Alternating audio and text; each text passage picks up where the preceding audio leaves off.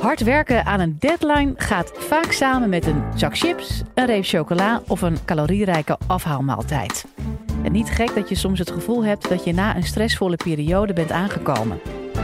Toch is die caloriebom volgens hormoonspecialist Liesbeth van Rossum van het Erasmus MC niet de enige boosdoener voor overgewicht.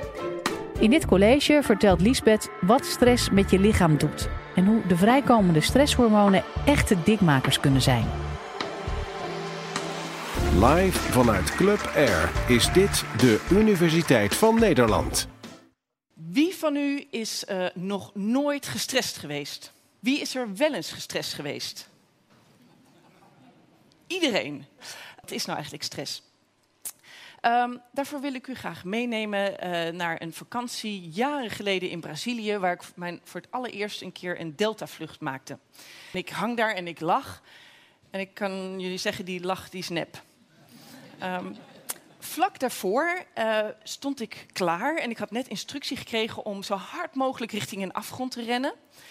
En um, op dat moment gierden de stresshormonen door mijn lijf dat is goed eigenlijk, dat is heel handig, want wat gebeurt er? Je hartslag gaat omhoog, je bloeddruk gaat omhoog, ademhaling gaat sneller. Um, en dat is heel handig, want er wordt meer energie en meer zuurstof wordt er gebracht naar je, naar je hersenen, dus je kan sneller denken. Niet dat je per se misschien op zo'n moment wil denken, maar goed voor een examen, hè, acute stress is dan best heel handig. En het andere is dat er meer zuurstof en meer energie naar je spieren gaat dat was ook goed, want ik moest zo hard mogelijk rennen uh, richting de afgrond. En dit is typisch een voorbeeld van acute mentale stress. Um, maar er zijn meer soorten van stress. Uh, allereerst moeten we een onderscheid maken tussen mentale stress en lichamelijke, oftewel fysieke stress. En van beide soorten stress hebben we ook acute versies en chronische soorten.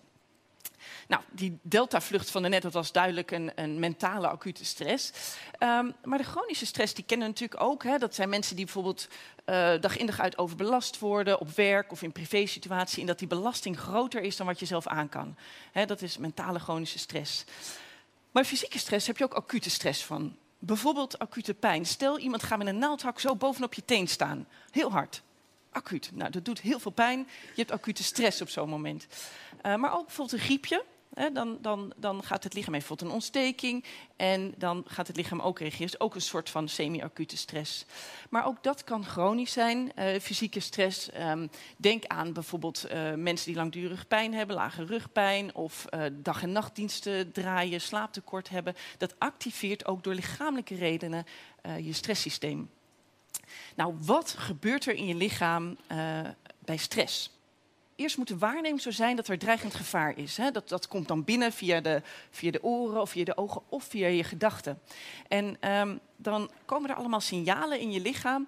Uh, die worden afgegeven via zenuwbanen. En nou, u kent dat misschien wel, dus de adrenaline rush. Die had ik ook duidelijk bij die delta vliegen. Dat was een adrenaline rush.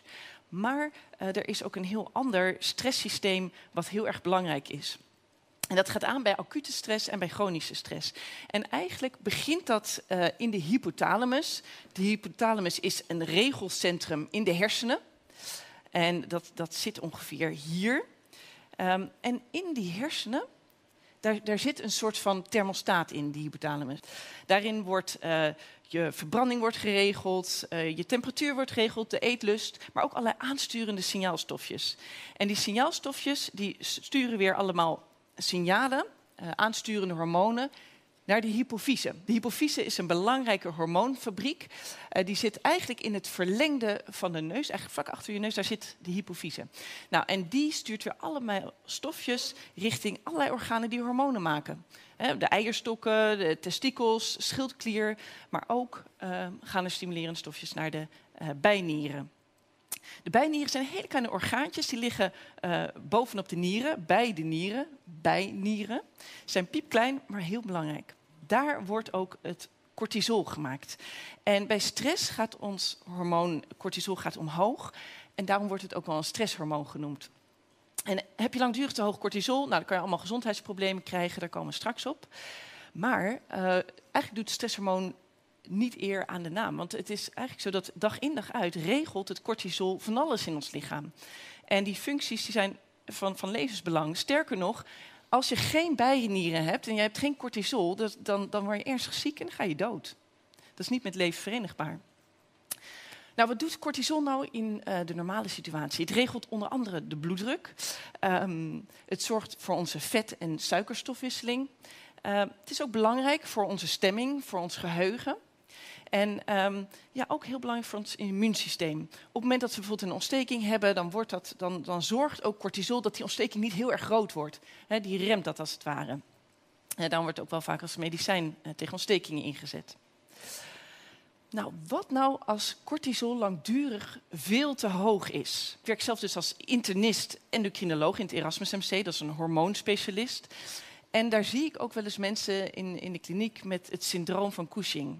Nou, dit, dit is een zeldzame ziekte en deze mensen hebben een tumortje ofwel in die hypofyse, in die hormoonfabriek zitten, of in de bijnieren, waardoor ze veel en veel te veel cortisol in hun lichaam aanmaken. Nou, wat is het gevolg? Deze mensen krijgen allemaal uh, hoge bloeddruk, uh, hoog cholesterol, diabetes, uh, botontkalking en nog allerlei andere zeldzame verschijnselen. Maar ze krijgen ook allemaal een dikke buik.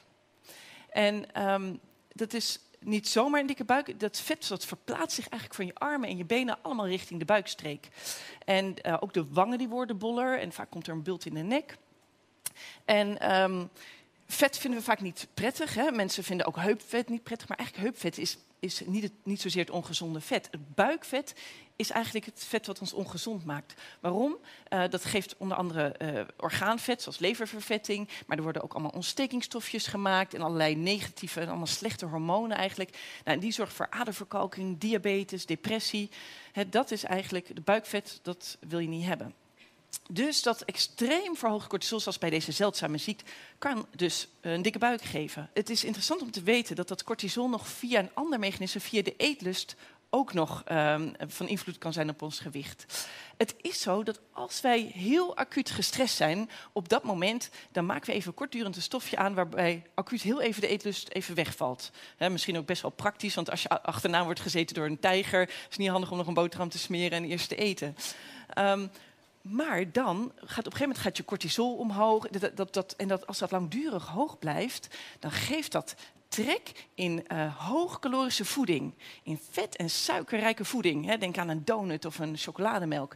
En um, dat geeft dus snacktrek. En misschien, misschien dat u het van uzelf ook wel kent. Op het moment dat u heel erg gestrest bent voor iets, dat u uh, veel meer trek krijgt in bijvoorbeeld een reep chocola. En dat u die, die uh, wortel gewoon lekker laat staan. Um, wat interessant is, is dat heel recent in een Australische studie ook is onderzocht bij muizen. Uh, dat uh, deze diertjes die werden dan onder stress gezet. En dat als ze dan hoogcalorische voeding kregen, dat het veel meer in gewicht aanzette dan als muizen diezelfde hoogcalorische voeding aten, maar niet gestrest waren. Als dat bij de mens ook zo zou zijn, dan zou het, zou het kunnen zijn dat je dan dubbel gestraft wordt. Hè? Dan krijg je en van stress snacktrek en misschien kom je dan nog extra aan ook nog. Nou, hoe zit dus dat cortisol bij mensen met overgewicht?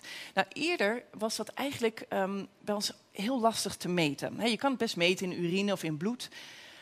Maar wat lastig is, is dat we um, dat cortisol dat heeft een heel sterk dag-nachtritme en is heel variabel over de dag. En eerlijk gezegd, als je bij iemand gaat bloed prikken, hè, en je zou wat bloed, buisje bloed afnemen, dat, kan voor heel veel mensen ook een stressmoment zijn. Dus wat meet je dan cortisol in dat bloed? Meet je eigenlijk alleen hoe gestrest is iemand voor bloed prikken. Hè, dat zegt nog niks over hoe gestrest was iemand uh, in het dagelijks leven de maand ervoor. Nou, daar hebben we een oplossing voor gevonden. Um, samen met andere onderzoekers wereldwijd we hebben een nieuwe techniek ontwikkeld waarbij we cortisol kunnen meten in hoofdhaar. En ons hoofdhaar groeit 1 centimeter per maand gemiddeld genomen. En door elke centimeter te onderzoeken kan je dus zien hoeveel cortisol heeft iemand in die bepaalde maand. En we vonden eigenlijk dat mensen met overgewicht helemaal niet zoveel hoger zaten dan mensen met een gewoon gewicht. Maar als we dan keken bij mensen met een ernstig overgewicht, oftewel obesitas, hè, dan definiëren als een body mass index boven de 30 dan zagen we dat die veel hoger zaten in hun cortisol. En niet iedereen, dit was gemiddeld zo, maar ongeveer de helft zat veel te hoog en de andere helft zat eigenlijk wel normaal. En let op de logaritmische schaal, die zaten echt, sommige zaten heel erg hoog. Dit was niet uniek voor, voor volwassenen. We vonden dit ook bij, bij kinderen van zes jaar oud. We hebben ruim 3000 kinderen van die leeftijd onderzocht. En we vonden bij kinderen met het hoogste cortisol een tienvoudig verhoogd risico op het hebben van obesitas. Ehm, maar dat zegt nog niks over oorzaak en gevolg. Want het zou best kunnen zijn dat die kindertjes bijvoorbeeld met obesitas... dat die veel meer gepest worden en daardoor een hoger stresshormoon cortisol hebben. We hebben dus wel aanwijzingen door dat extreme model van dat syndroom van Cushing... dat cortisol dik kan maken. Maar toch wordt niet iedereen dik van stress. Waarom wordt niet iedereen dik van stress? Nou, laten we een voorbeeld nemen van uh, Mark en Rick. Uh, Mark en Rick die, um, uh, die zijn 30 jaar. Ze worden allebei ontzettend overbelast op hun werk. Ze hebben echt een verschrikkelijke baas. Eigenlijk worden ze elke dag finaal uitgecoverd in een volle kantoortuin, gekleineerd. Het stresssysteem raakt geactiveerd, cortisol wordt hoog, maar toch is er een verschil in het effect. Rick die komt aan in gewicht en Mark niet. Hoe kan dat? Nou ja, het kan zo dat die stress anders ervaren wordt. Het kan best zijn dat Mark het helemaal niet erg vindt om elke dag uitgescholden te worden in een kantoortuin. Kan.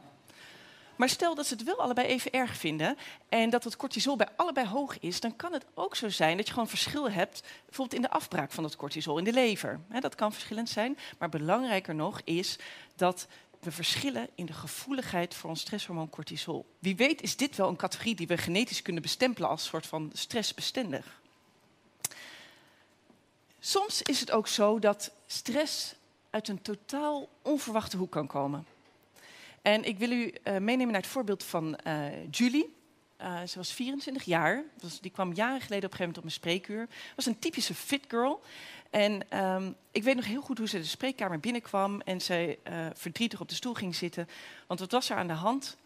Ze was enorm aangekomen. Ze was in een paar weken tijd 14 kilo aangekomen en dat zat allemaal op haar buik. Ze had ook echt een opvallend dikke buik, bolle wangen had ze gekregen. En zij was um, in opleiding tot leefstijlcoach. Ze liep stage, was mensen aan het vertellen hoe je gezond moest eten, uh, goed moest bewegen. Ze sportte zelf elke dag en dat gewicht dat kwam maar aan.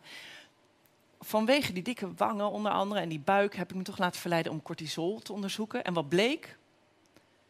Het cortisol was onmeetbaar laag. Laag. Dat is heel gek het kan niet anders dan dat er van buitenaf een stofje moet zijn geweest wat de werking van cortisol heeft nagebootst. Die stofjes die zijn er, dat zijn corticosteroïden. En inderdaad bleek zij een paar maanden ervoor, had zij een injectie in de knie gekregen omdat ze al uh, pijn had in de knie vanwege dat hele vele sporten. En um, daarna is ze heel veel in gewicht aangekomen. Hadden er dus een ernstige bijwerking van en dan is dit natuurlijk wel een uitzondering, want lang niet iedereen, uh, eh, 200.000 van mensen krijgen zo'n gewichtsinjectie per jaar en lang niet iedereen krijgt zo'n bijwerking. Maar toch komt dat misschien wel vaker voor dan we denken. En uh, het was voor ons aanleiding om daar meer onderzoek op te doen. En we hebben daar een groot bevolkingsonderzoek op gedaan met een lifeline-studie. Meer dan 140.000 volwassenen hebben we onderzocht. En uh, daarbij keken we naar het verband tussen het gebruik van corticosteroïden en de buikomvang.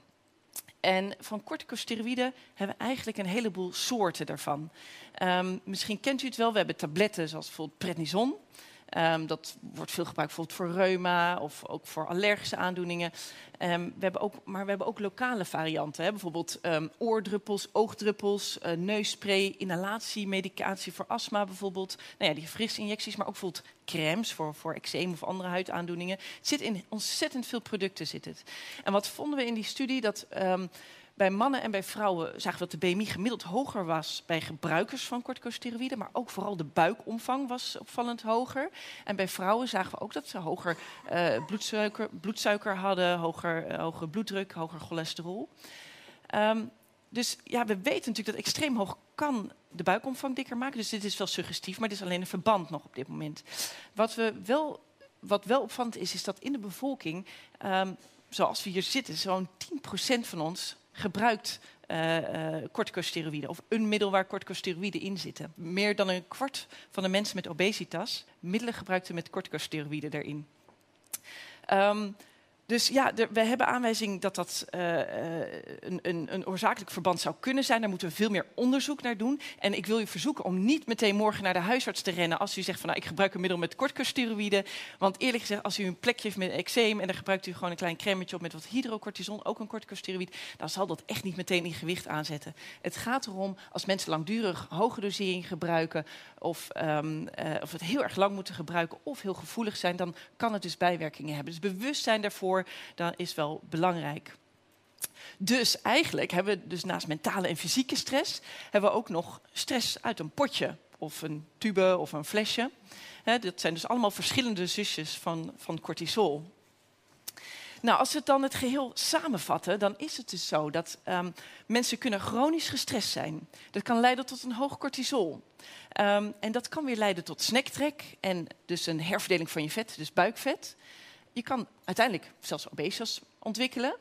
Tegelijkertijd is ook dat met mensen die obesitas hebben, we weten dat deze mensen veel vaker gestigmatiseerd worden en gediscrimineerd op basis van hun gewicht, kan ook weer leiden tot stress. En zo zien we eigenlijk al dat er een vicieuze cirkel kan ontstaan.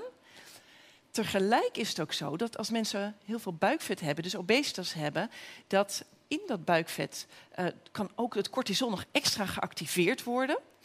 Um, en het is ook zo dat mensen met obesitas vaker chronische pijnklachten hebben, hè, gewrichtsklachten, uh, of slechter slapen. Dus andere reden hebben om ook weer dat cortisol te verhogen. En dat kan ook weer op het brein werken. Um, en dat kan depressief maken, kan prikkelbaar maken. Dus kan ons ook weer mentaal weer gestrest maken. Dus zo zien we dat de cirkel ook de andere kant op weer rond wordt. Dus als we antwoord moeten geven op de vraag: ja, chronische stress uh, kan uh, ons gewicht laten toenemen. En dat kan zelfs leiden tot een vicieuze cirkel. Wil je nou meer afleveringen van de Universiteit van Nederland horen? Check dan de hele playlist en ontdek het antwoord op vele andere vragen.